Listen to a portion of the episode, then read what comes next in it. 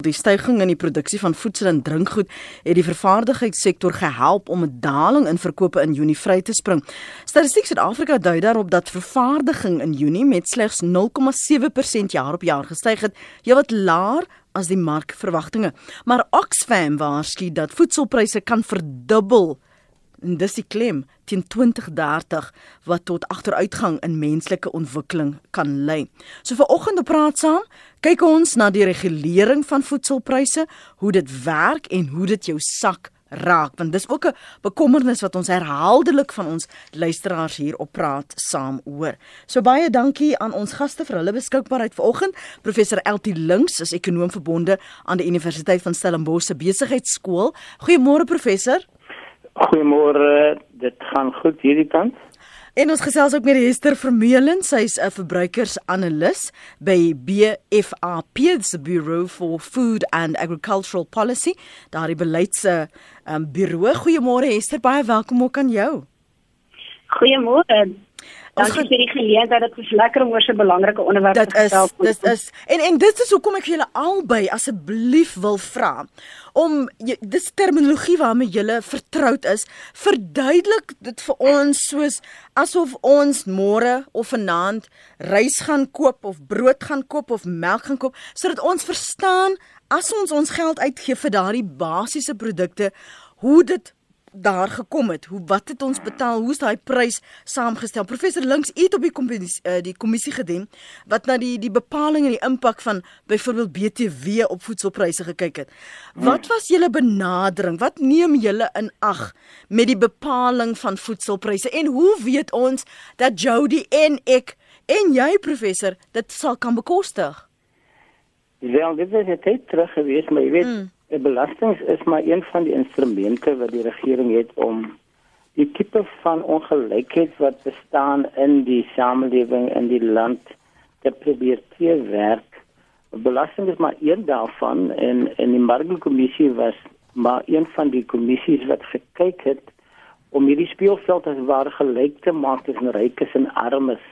Wat 'n moeilike taak is, jy kan natuurlik die begroting gebruik daarvoor deur uitgawes direk uh uh aan te wend vir die verbetering van die lewensstandaard van mense op verskillende vlakke soos byvoorbeeld gesondheid, opvoeding, mm. al dis meer. Dis jou uitgawe kan maar dan kan jy deur die belastingskant ook baie doen om die druk of die ongelykheid te te werk. En dis eintlik maar wat die Margo-kommissie en van tyd tot tyd raak die raak die ekonomiese speelveld so ongelyk as gevolg van 'n klomp veranderinge buitelands en binnelands dat jy moet van tyd tot tyd gaan kyk na die struktuur van jou belastingstelsel. Hoe werk die dinge uit in jou sak? Hoe werk dit uit in my sak? Jy's natuurlik baie meer verdienstelik om om om om om meer toegewings te kry as wat ek So die die staat gaan kyk van tyd tot tyd om te kyk hoe hierdie struktuur verander as gevolg van invloede mm. en dan moet jy hom gaan heroriënteer. En dit wat gebeur het met die markkommissie en ons uitgangspunt daar was basies om te sê maar globalisering ehm uh, ander faktore die struktuur van die ekonomie het so verander dat ons moet weer gaan kyk na die belastings en dan gaan kyk jy nou spesifiek na die invloed van belastings op die verbruiker. Hmm. En ons uitgangspunt was basies om om 'n indirekte belasting daar te stel. Dit wil sê 'n belasting, ons noem hom eintlik die BTW belasting op toegevoegde waarde. 'n Baie ingewikkelde term wat ons nou vandag maar net gaan bespreek as die vrystelling van goedere vir belasting. Uh, uh ons kan dit anders ook uh, formuleer as 'n nul tariefbelasting, maar laat ons net van vanoggend se doel doeleindes praat oor 'n basiese vrystelling van goedere as een van die maniere wat ons kan aanwend om die verbruiker te gemoed te kom. Ons idee aanvanklik was maar 10%. Ons was ook natuurlik gewaarsku onder mekaar uh, deur die IMF hierdie is 'n glybelasting. Hy kan maklik gly na hoër tariewe omdat hy so gemaklik is mm. om te verhoog. En dit sien jy in begrotings as dit 10% mee begin, as dit later aan 14% gaan, ek dink in 1993. En toe het ons dit nou onlangs met 'n uh, persent verhoog, maar die invloed van daai 1% was so groot dat uh, arbeid die verbruiker opstaan en sê maar luister hierdie 1% ja. is nou marginaal maar hy vat aan my en daarom die regering nou moet gaan kyk om te sien luister waar kan ons verligting gee Natuurlik is dit in die hele konteks van ons ekonomiese stand op die oomblik. Ons ekonomie is nie goed nie. Ons het 'n heel aantal kommissies wat net gaan kyk waar geld verlore geraak het wat die belastingbetaler betaal het. So al hierdie dinge werk in op die inkomste van die staat en die staat moet gaan kyk waar hy kan meer inkomste kry. En dit is nou een van die maniere belasting op toegevoegde waarde. Elke uh, handelaar voeg waarde toe en daar waar hy waarde toevoeg, gaan hy dan 'n bietjie belasting daarop moet betaal, 15% in ons geval. As jy dit in die wêreldkonteks sien, dan is 15% nie 'n baie hoë belasting nie. As jy gaan kyk na die Skandinawiese lande, dan betaal hulle maklik hier na 25% toe, maar Die onderskeid is natuurlik dat hulle baie meer ontvang ja. van die regering in terme van dienste, ja. dis gesondheidsdienste, soos byvoorbeeld opvoeding wat vry is en dis meer. Ja. En laat net ook dan net voor voor ek jou laat gaan en uh, met Hester praat. So die in in in leiding van ehm um, suikerbelasting. Ja dit was om daardie belastingpool te verhoog sodat ons meer kon in sodat dit meer versprei kon wees sodat daar beter keuses gemaak kan word. Dit was nie uitsluitlik omdat mense hulle versuip het in koeldrank nie. Nee, of nee, te dik geraak het nie. Dit dit, dit gaan natuurlik jy kan 'n tweeledige doelwit hê of 'n sekondêre doelwit vir gesondheid, maar aan die aan die aan die ontvanger se kant is dit basies maar die in van belasting, inkomsteverhoging en daarom was die katskommissie so belangrik want hulle het eintlik die uh, uh, SARS ingestel as 'n baie baie doeltreffende masjien om belastings op die mees doeltreffende wyse uh, produktief in te win. En uh, dit is jammerlik dat daai uh, uh, uh, uh, inkomste uh, SARS as 'n ware 'n uh, bietjie uh verkeerde pad ingelei was en ons het nou 'n kommissie wat daarna kyk mm. om te sien hoe SARS die spoor byster geraak het in die uh uh invordering van belasting. Maar dit gaan maar basies om belastinginkomste en dan kan jy sekondêre doelwitte ook hê soos byvoorbeeld gesondheid. Ek wil vir ons luisteraars geleentheid gee om direk met julle te gesels, veral ja. omdat ons herhaaldelik hoor die redenasie van en nou gaan die kospryse op en dan gaan die uh, vervoerkoste op, maar wanneer daar 'n daling is dan sien ons dit nie weerspieël op die winkelrakke byvoorbeeld nie. 0891104553. Ek wil veral wat my bekommer is die die voorspelling um, Hester van Oxfam wat sê dat voedselpryse teen 2030 kan verdubbel. As mense nou al reeds so sukkel, as armes so wat 80% van hulle inkomste aan voedsel spandeer, waarvan gaan ons leef? 0891104553. Stuur vir my 'n SMS 45770. Elke SMS kos jou R1.50 of gaan maak 'n draai op ons webblad. Dit is www.rsg.co.za. Gaan die gevaarligte vir jou aan op pad 2030 toe of is dit al reeds vir jou flikkerend, Hester? Ja, nee, ons is eintlik al lank in Suid-Afrika op 'n pad van baie sterk stygende voedselpryse. As ons byvoorbeeld die laaste 10 jaar vergelyk, so 2008 tot 2018 op ons CPI, daai Consumer Price Index vir kos, sou 'n seleksie items 100 rand kos in 2008 en al 186 rand hierdie jaar. So dit sê al klaar vir ons daar was al reeds amper 'n verdubbeling oor die laaste 10 jaar gewees. Nou in hierdie tyd het daar dinge reg gegaan en dinge verkeerd gegaan. Daar was definitief 'n verbetering in die voedselsekuriteitstatus van Suid-Afrikaanse verbruikers gewees en veral ook op die vlak van voedselsekuriteit vir kinders. Maar in dieselfde asem is daar 'n geweldige groot hoeveelheid van ons verbruikers wat nie gesonde eetpatrone kan bekostig nie. Binne BFAB het ons oor die laaste paar jare 'n gebalanseerde eetplan uitgewerk vir vir 'n lae inkomste gesin om te sê indien hulle die regte hoeveelheid porsies van die regte voedselgroepe sou eet gegee hulle tipiese koskeuses wat wat se tipe bedrag kyk mens na en dan staan daardie mandjie op so tussen minus 2700 rand 'n maand vir 'n gesinnetjie van 4 mense soos twee volwassenes twee kinders. En as mens mooi gaan kyk kan 'n uh, gesinnetjie met twee loon um inkomste ja dis hulle wat 'n basiese loon verdien um kan hierdie mandjie net net bekostig. Indien hulle omtrent 'n derde van hulle inkomste aan kos spandeer. So hulle kan dit bekostig maar sou voedselpryse nou verder klim gaan mens definitief in 'n situasie begin dink aan dat inkom dat hulle gaan moet begin sekere dinge opgee om nog steeds hierdie mandjie te kan bekostig. Of wat ons sien um, as ons kyk na hoe hanteer mense krisis as jy kyk na kosse vir 'n begroting mm. dan sien ons of hulle begin net eenvoudig minder eet of hulle eet minder vleis en minder groente en vrugte en begin meer styfselkosse eet mm. so jy daai verlies aan dieetdiversiteit wat nou weer sleg is vir hulle gesondheid want jy het 'n gebalanseerde dieet nodig vir goeie gesondheid So as jy al hoe meer stysels of al hoe al hoe meer goedkoper tipe wegneem kos en so hanteer dan dan het jy hierdie hele gesondheidsepidemie in Suid-Afrika kan dan ook weer hmm. ehm um, baie nog ernstiger raak um, in die tye wat kom. So so ek dink op die ou einde dit is dis 'n baie komplekse probleem om op te los en dit aan die aan die verbruikerskant wel dit aspekte soos hulle moet verstaan wat is gesonde koskeuses.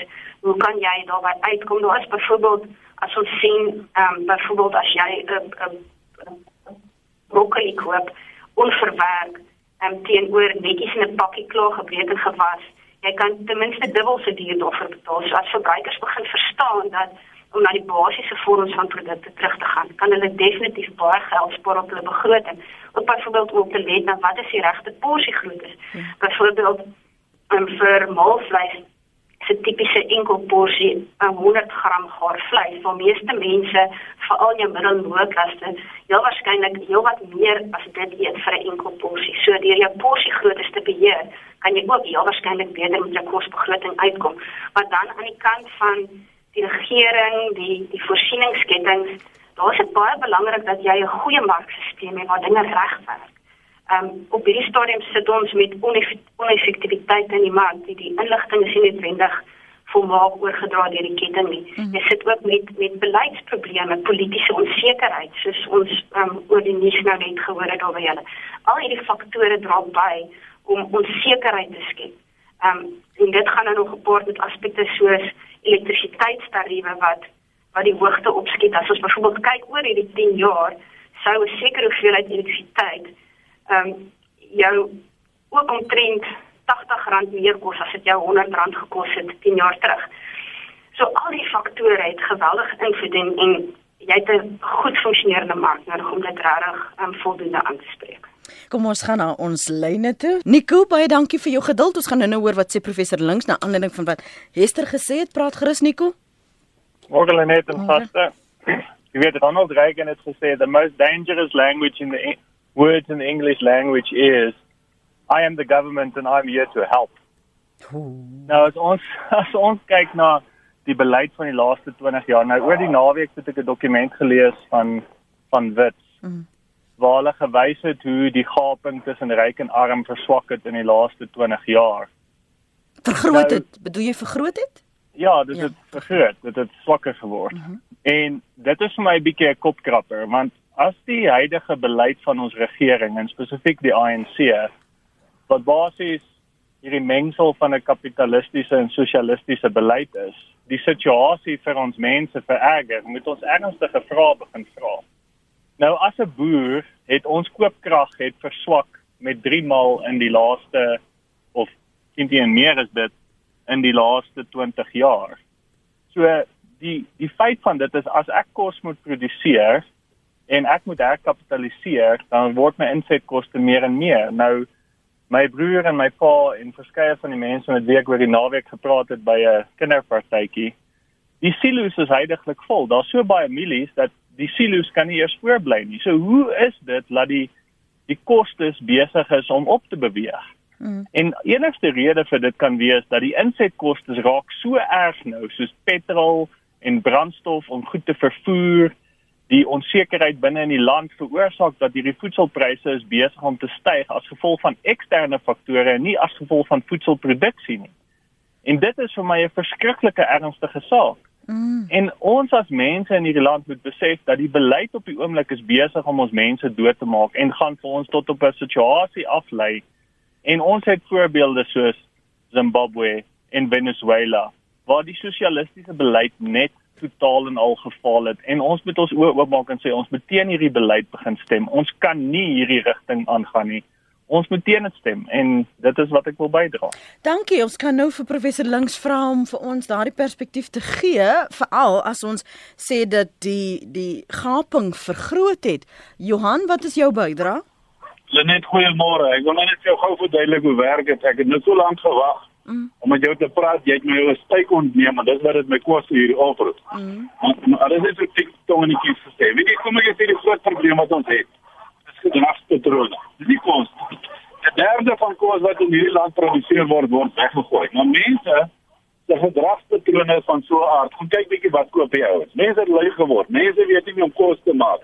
Dis waar. Elke ou, elke ou kan gaan in 'n groentetuintjie of jy in 'n in 'n shack bly en of jy op die 30ste verdieping bly, jy kan jou eie groentetjies kan jy produseer. Ry 'n bietjie op 'n Saterdag gaan koop by die mark. Gaan doen, jy gaan koop direk. Jy gaan baie geld spaar. En dan nommer 2. As jy by hierdie planterskampe verby ry, omtrent elke ou het 'n skottel op sy dak en 'n selfoon in die hand. Het jy reg nodig? Nee, jy het. Ek het 'n jong man wat vir my werk. Hy rook. Dis ek vir my ek betaal jou nie meer. Nou sê hy wil meer geld. Ek sê nie betaal nie want jy brand jou geld. Dis stupid. Ons moet ons gedragspatrone verander. Nou gaan jy baie goedkoper kan lewe en jy gaan meer geld hê. Maar hierdie holgeryde storie van vat by die rykes gee vir die armes. Jy moet 'n imbesiel wees om dit nie te kan sien. Dit werk nie. Hoe meer jy dit doen, hoe slegter word hierdie ou, hoe armer word hy. Leer liewer hierdie ou om vir homself te sorg, verantwoordelikheid vir sy lewe te neem dan gaan jy sien dan verander die situasie. Goed Johan, dankie. Ek is nog nie iemand wat 'n dampie slaan nie, professor. Maar ek ja, weet nee, ek weet daar's mense wat kwaad raak. Ek sê dit daar, ek dink die een oor die die silis wat vol uh koring is en vol milies. Ek dink dis dis 'n ware stelling wat gemaak word en en en tog ons hoor van wie die feit dat dat die goed so duur is. Die insetkoste soos genoem is is eintlik maar waar die ding gekneelter word as jy dit vat net elektrisiteit of jy vat jy weet die vervoer ehm um, dan dan kan jy nie anders as om te sien te uh, erken dat dat die goed duurder word as gevolg van die verskillende vlakke waarop jou jou insetkoste nou al verhoog het. Ehm um, ek ek kyk net die vervoer van uh, iemand wat vir ons help by die huis. Ek weet ek Kaivitsa uit en ek weet dit is ja. is 'n geweldige persentasie van hy persoon se maandelikse inkomste en dit natuurlik is weer 'n koste vir ons. So die die ding uh, uh, is is basies om die gaan basies om die insetkoste van al hierdie produkte wat ons uh, elke dag uh, moet moet aankoop en en die vervoer daarvan elektrisiteit die water en dis meer. Maar dan wil ek ook hier by die weggooi produkte aansluit by die vorige indeller. Jy weet ek het gedragspatrone sodanig dat ons eintlik baie moeilik kan verander want jy moet voldoen. As jy nie voldoen nie dan is jy beter as jy nie jou selfoon het nie natuurlik is daar verskillende maniere om dit jy hoef nou nie die duurste selfoon te hê nie maar maar die lewe die gedragspatrone van vandag vereis dit as dit ware. En dit is waar die verbruiker aan die kortste en eh uh, uh, trek. Want hy hy moet by bly die onderwyser moet by bly die die leerling moet uh, by bly en en dis alles druk op die op die ouer. En en op op hierdie manier kan jy as 'n ware nie wegbeweeg van die eh uh, um, feit dat ons almal gekniehalter is deur ontwikkeling. Ontwikkeling is eintlik 'n ding wat ons vastrek in 'n manier wat ons nie kan bekostig nie. Uh dit sou my antwoord wees daarop. Voor jy voor jy verder gaan, die die punt wat Nico maak dat die gaping die laaste ja. 20 jaar wel vergroot het. Is dit waar? Want hy sê ook dat die eksterne faktore is wat hierdie pryse beïnvloed en nie so seer die voedselproduksie nie. Ja, hy sê heeltemal reg. Nico is is is is korrek wanneer hy sê die gaping, ek meen die afgelope 20 jaar, jy weet ek ek luister altyd na die politici wat sê better life for all. Ja, weet, ja. Dit dit is beslis nie die geval nie. Die uh, die rykes kry swaar, ja. Uh, maar die armes kry nog swaarder. Uh, die rykes het ten minste diversiteit wat hulle kan aanwend in terme van hulle inkomste hulle rykdom laat hulle toe om keuses te maak wat dan nou die belastingdruk uh, verminder maar die die armes of die gesalarieerde jy hoef nie te gaan kyk na die brandarmes nie. Jy gaan na jou middelklas onderwyser en dis meer wat 'n salaris ontvang. Daai salaris is vasgepin jy kan nie meer as dit verdien nie. Die man wat 'n ondernemer is of wat in die boonste vlakke leef hy kan sy belastings ehm um, uh, uh, so manipuleer as as daar rente is dat sy inkomste met inkomste dan daardeur verhoog word. So hierdie punt van die kurse is 'n waardevolle een dat jy 'n vergroting en vir 'n verbreding van my gaping en dit sien jy man jy Gini koëffisiënt wat ons laas oor hmm. gepraat het wat so verswak dat ons eintlik die mees ongelyke samelewing in die wêreld uh uh as sodanig gesien word. So Esther ek gedragspatrone kan twee kante toe gaan. Ehm um, Johan sê mense weet nie meer hoe om te kook nie. Dit is natuurlik met die vooruitgang en die gerief en die die, die vinnige beskikbaarheid en maklike beskikbaarheid en toeganklikheid van sekere kosse. Jy het net nou genoem van as jy liewer na die die produk in sy uh, aanvanklike vorm, sy natuurlike vorm sou kry, sy minder nou betaal as wat jy met al daardie verpakking kom. Maar help ons om te verstaan hoe gedragspatrone, verkoopspatrone dan, hoe dit na albei kante toe swaai en hoe dit gereflekteer word in die gesondheid van mense, maar ook die bekostigbaarheid van produkte. Dis aan die een kant. Dit is 'n mondvol wat ek nou vra. Dan wil ek jy, jy moet met ons deurgaan. Want baie van die luisteraars wil weet, wat is in jou 2700 rand mandjie? Okay, goed, ek gaan begin by jou eerste vraag. Ehm um, so wat in in 'n ontwikkelende land soos Suid-Afrika het ons ehm, 'n um, verskynsel wat ons noem ek gaan die Engelse term gebruik nutrition transition. So dis 'n voedingsverandering wat in mense se eetpatrone plaasvind. Tradisioneel is mense geneig om byvoorbeeld baie stapelkosse te eet, ook in gewoonlik in die in die heelgraan vorm. So dis nie baie verfyn nie. Ehm um, maar wat gebeur soos verstedeliking toeneem en mense meer verwester, is hulle geneig om meer verwerkte kosse te eet. Um, aan die positiewe kant ook dikwels is hulle bietjie meer welafraak, meer vleis en ander dieroorsprongprodukte soos suiwel, maar aan die aan die aan die slegter kant ook gewoonlik baie meer ongesonde vette en meer suiker en daai tipe produkte. So daardie hele beweging van hierdie voedingsverandering veroorsaak dan op die ou einde dat jy in lande soos Suid-Afrika um oorgewig het as byvoorbeeld um, 'n aanduiding van lewenstylsiektes wat geweldig sterk toeneem in Suid-Afrika. So ons sien, ons het al baie analises op dit gedoen en daar's duidelike aanduidings dat hierdie voeding verandering hmm. is 'n totale werklikheid in die Suid-Afrikaanse konteks. So dit skep 'n vraag na hierdie tipiese meer verwerkte produkte wat ook nou nie noodwendig die gesonde produkte is nie. Hmm. En dan baie van hierdie produkte word dan dalk ook dalk ook dan ingevoer. So aan gedragsverandering aan daai kant is is is dit die een kant.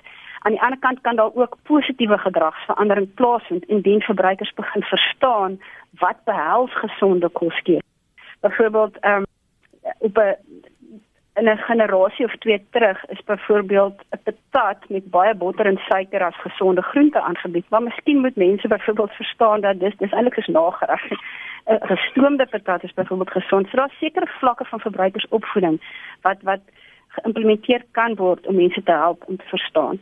En en ook soos ek al vroeër gesê het, die vlak van verwerking het 'n invloed op die prys van die produk. Ons sien ook verbruikers hulle koop elke dag kos. So daar is sekere dinge wat hulle ook al reeds doen. So hulle is geneig om te sê as dinge taai gaan, ehm um, begin ons ehm um, kyk tussen verskillende winkels, waar sien ons die beste pryse? wat nie noodwendig slegte gedrag is in terme van voedselverbruik nie, maar dit kan hulle help om geld te spaar. Wat wel sleg is is as hulle inbeweeg in 'n gedrag wat hulle sê ons eet eerder minder van vleise of vrugte of groente sodat ons dan maar net meer stysels eet dat net ons maag vol kry. Ja. Dan gaan jy in 'n probleem begin sit en mense se immuniteit gaan af, kindertjies ontwikkel nie soos hulle moet nie sodat dit 'n effek op toekomstige generasies.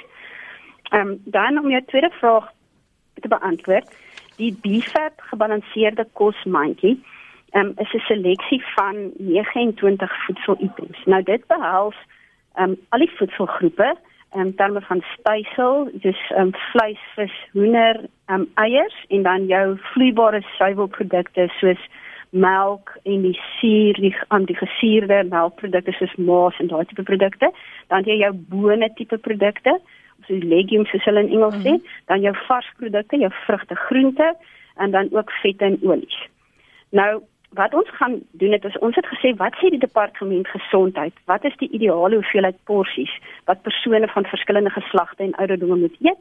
En gebaseer op dit het ons dan gesê vir 'n tipiese gesinnetjie van 4 met 'n pa, ma, jonger kind en 'n ouer kind hoeveel individuele porsies gaan hierdie totale gesinnetjie per maand nodig hê om 'n gebalanseerde eetplan te eet? Maar dit was nie gedoen in terme van ehm um, ons sal byvoorbeeld nou nie vir 'n lae inkomste huishouding ehm um, uh, 'n 'n luxe produk soos 'n lekker stukkie steak insit. Dit sal 'n produk wees soos sobbene of of maalvleis waar hulle definitief 'n klein porsie kan byvoorbeeld eet. En ehm um, so met ander woorde in terme van spesifieke produkte in die mandjie, vleis sal byvoorbeeld wees hoender sal wees die bekostigbaarste opsie wat byvoorbeeld daardie individuele bevrore goedkoop hoenderstukke is. En ook blikvis, die canned poultry soos ons sê, ja. want dit is tipiese produkte wat hulle eet. Is dit basiese vrugte soos 'n appel, 'n piesang en 'n lemoen, basiese groente soos 'n aartappel, ehm um, tamatie, uh, spinasie. So dit is om julle net daai idee te gee, dis basiese items wat tipies deur mm. armer mense geëet word, maar in die regte verhoudings toegepas so, om by so, daardie tipe koste uit te kom. So dit is vir 'n maand dit is uitgewerk vir 'n maand, dis korrek ja. Terwyl vier persone vir een maand. Vier persone vir een maand en ons maak die aanname dis 'n ma, 'n pa en twee kinders. Um terwyl jy na my luister, ek weet nie of daar iemand van jou uit julle kantoor is wat nou ook na ons luister nie. As hulle miskien vir ons daai lysie kan aanstuur dat ons dit op ons webblad kan plaas, daai lysie wat die koslysie wat jy nou na verwys het wat R2700 sou kos. Um my e-posadres is linet@rsg.co.za. Dis L A E T T E by rsg.co.za as iemand dalk van dat julle kantoor net vinnig vir my dit kan e-pos dat ek dit vir ons luisteraars na afloop van vanmôre se program net op ons webblad kan plaas want ek sien daar's 'n behoefte van almal om te wil verstaan wat is dit en wat hulle dalk kan aanpassings mee maak om uit te kom vir uh, die maand. Wat van daardie produkte wat Hester nou genoem het professor Links word dan nou vrygestel van hierdie belastings waarvan jy vroeër gepraat het, die basiese? Ja, daar is daar is op die oomblik so 19 produkte wat uh, zero uh, BTW uh, bevat. Ehm um, en ek sou sê van daai wat sy gedoen het, uh, ek het nog nie die volledige lys wat sy daar het nie, maar ek sou sê al daai produkte is reeds in hierdie lys en dan moet ons onthou daar's 'n verdere lys wat teen die einde van hierdie maand beskikbaar gestel gaan word deur die departement van finansies wat dan nou aanvullend gaan wees tot dit wat reeds beskikbaar is sonder belasting of belastingvry en en dit behoort dan nou ehm um, daai mandjie goedere wat sy uh, van praat uh, almal te bevat. My vraag uh, wat nou nie met 'n vraag vra nie, mm. maar ek is baie geïnteresseerd in hoe verander jy die kop uh, of die denkwyse van die mens? Jy weet dis maar basiese opvoeding. Jy is so gewoond jou manier van eet dat dit maar eintlik uh, baie moeilik gaan wees om om daai ding daai kopskuif te maak na 'n mandjie goed wat uh, jy nog nie gewoond aan is nie. Dis maar seker een van die probleme waarin ons onsself bevind. Net 'n ander punt wat ek sou wou maak is uh, uh in, in verband met hierdie die tipe van uh, voorbereiding en tipe van uh, um, kosse wat ons weet die voedselsoorte word ook gedwing. Ons moet na die Woolworths en na die Pick n Pay toe gaan wat die goed reeds voorberei het van hierdie feit dat ons albei ouers deesdae werk in die yeah. Ja. arbeidsmark is. Daar's nie tyd om nog by die huis te gaan uh, uh kook en voorberei nie. Dan moet jy maar vinnig daar by die die kitswinkel ingaan uh wat die wat die wat die kos kos vir reeds voorberei het. Hmm. En en dit is dis waar die waar die uh, uh, uh, kosteverhoging uh, eintlik uh, inkom uh, dat jy betaal vir daai nie net die voorbereiding nie maar ek kyk nou dis daar in jou in jou uh, supermarkte ek meen jy skoon hier hier 'n patat nie jou aardappels is klaar vir jou opgekerf uh, en dan daar 'n toegevoegde prysie daarbey ja. vir hierdie voorbereiding Jan, wat het jou bejaard? Ja, ek ek het 'n paar dingetjies vir jou sê van goedkoop eet. Mm -hmm. Want eh uh, uh, hoe sê die die spreekwoord uh, noodleer menekou. En uh ek maak my kos en my meisiekind ook die lieflikste kosse net van bene. Curries, jou roeties, jou pastei, alles van 'n bene aftreksel en uh uh jy kan so vir ek nou daar vir Amore foto gestuur sê dit ek weet jy sê dit geplaas het nie van 'n bak kos wat hy gemaak het vir vir 23 rand vir ag mense. Mhm. Mm maar nou is om terug te kom na die kwiek van die kosse. Nou nou aan uh, op op die uh um op die hele gronde daar in die kuskap, die lieflikste gronde. Luister, gaan niks aan nie. Ek het eers 'n koei of 'n bok gesien daar nie. Daai daai gronde kan almal omgeskep word en dit sê bietjie groter as klein hoewes en uh, uh, vir plase organiese plase. Wie ons het uh uh um en ek hulle kan toe die Atlantis en weet jy wat daar aangaan nie maar daar deel hulle byvoorbeeld 'n trekker en uh, daai goed kan uitgeplot word hier uh, uh, op Google is alles dat hulle die werklike foto's alles het waar geboutjies staan waar 'n vuurtjie is. Jy kan op, op Google kan jy kyk waar water is. Hulle moet goed plant wat wat wat min water vat. Hulle kan by by die uh, die die Jode leer en by die Italianers. Die Italianers het verskriklike klein plaasies maar die goed is so produktief want sy daai man gesê die goed word die aardappels goed word alles geskil vir jou gelewer in die winkel. Maar daar ook, met daai skille in wortelblare, alles gaan weer terug grond toe. Dit net die die eetbare goed wat afgaan van die grond af. Goed. Dankie Jan. Is is dit so Hester dat dit wat organies is nou so 'n fancy woord geword het, maar dat ons eintlik almal organies kan wees in ons klein groentetuintjies wat ons self uh, begin en plant?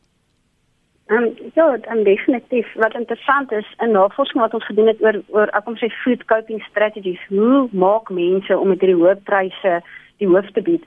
Was een van die dinge wat relatief sterk opgekom het dat mense gesê het hulle begin hulle eie groentetuine.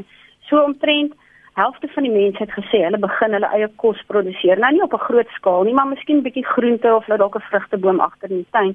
So dit gaan nie noodwendig jou laat oorleef nie, maar dit gaan definitief kan help dat jy 'n gesonder lewe het. Almal gaan dalk nou nie dit heeltemal organies doen nie, want jy mag dalk nou iets spuit vir peste of pla of of of iets in daai lyn, maar dit is definitief iets wat wat help en ook dis iets wat ons sien in syfers as ons byvoorbeeld kyk na hoe spandeer mense geld op kos. Dis die data wat Statistiek Suid-Afrika byvoorbeeld by huishoudings inbin op hulle tipiese spandering.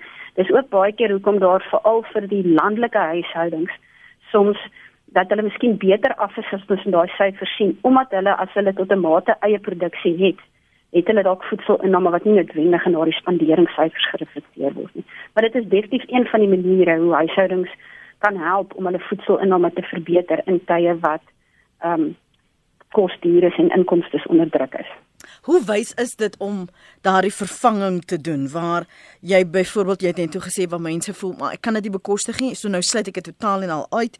Ek gaan uh, dit vervang met iets anders of ek vervang dit met met kitskos want dit lyk onskynlik asof dit ten minste goedkoper is nie noodwendig 'n gesonder keuse is nie.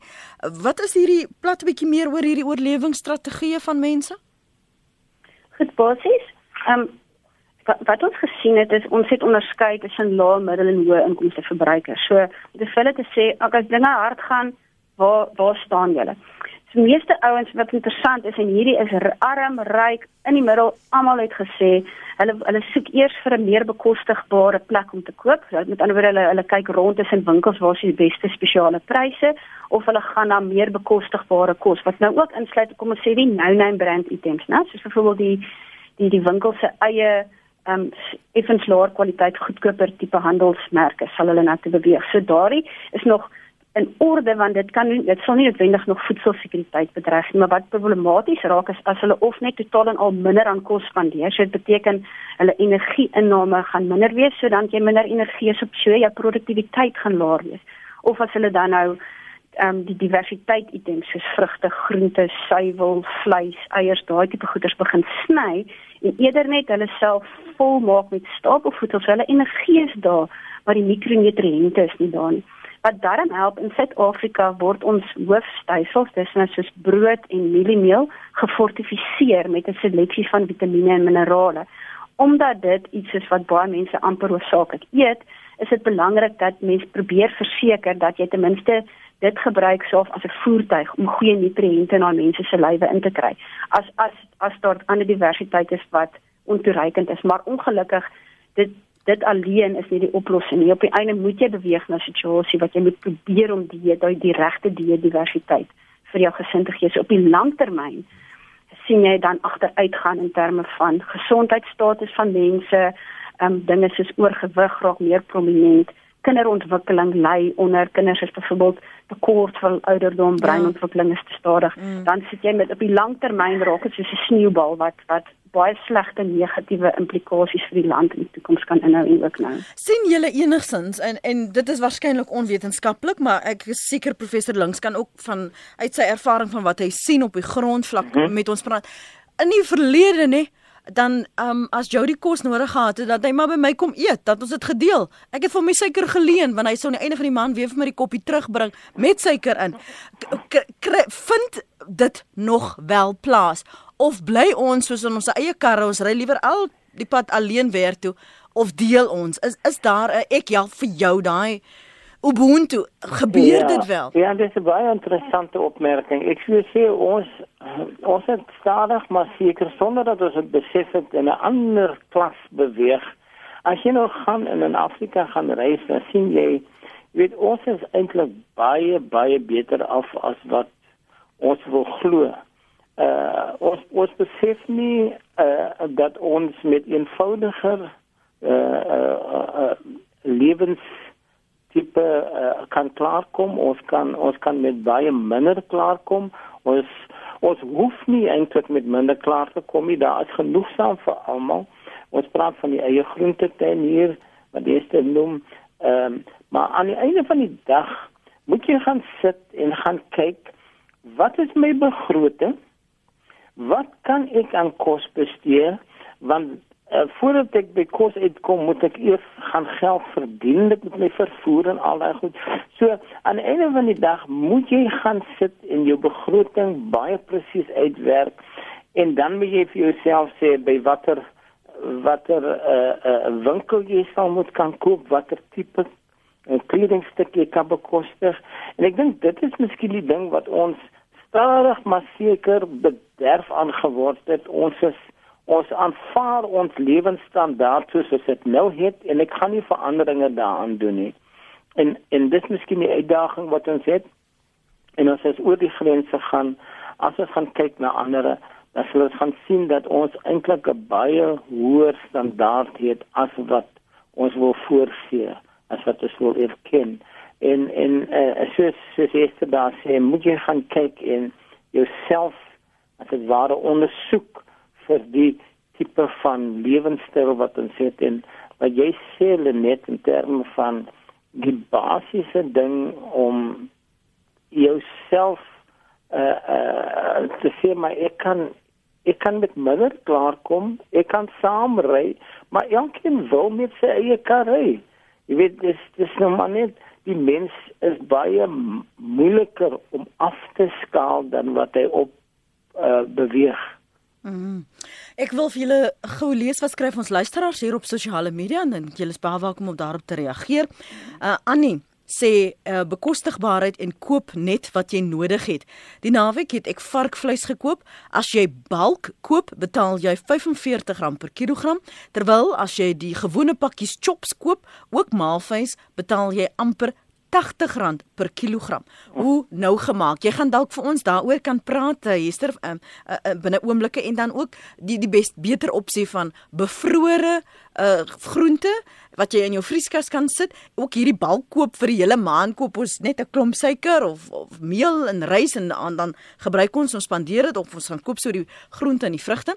Uh, uh Tony van Danabaai sê Na raming is voedselonsekerheid 'n harde werklikheid vir bykans 14 miljoen mense in Suid-Afrika en 1,5 miljoen kinders ly aan wanvoeding. Hoewel Suid-Afrika 'n goed ontwikkelde kommersiële landbousektor het wat omtrent 90% van die land se landbouprodukte produseer, is daar nog steeds baie groot ongelykhede tussen gemeenskappe en huishoudings wat maatskaplike en ekonomiese realiteite weerspieël. Ten spyte van die toelaas aan behoeftiges, leef daar steeds miljoene van ons bevolking onder die broodlyn.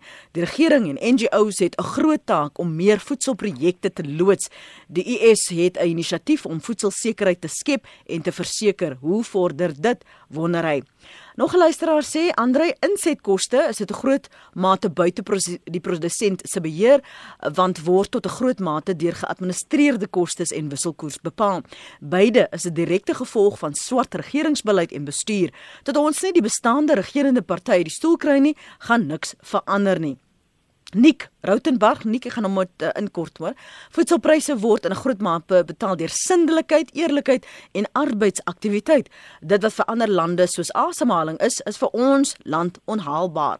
'n Regstellende aksie, honderde soorte belasting en wetgewing word aanhoudend onoordeelkundig toegepas en misbruik vir politieke en selfsugtige doelstellings en nie ter wille van goeie diens nie.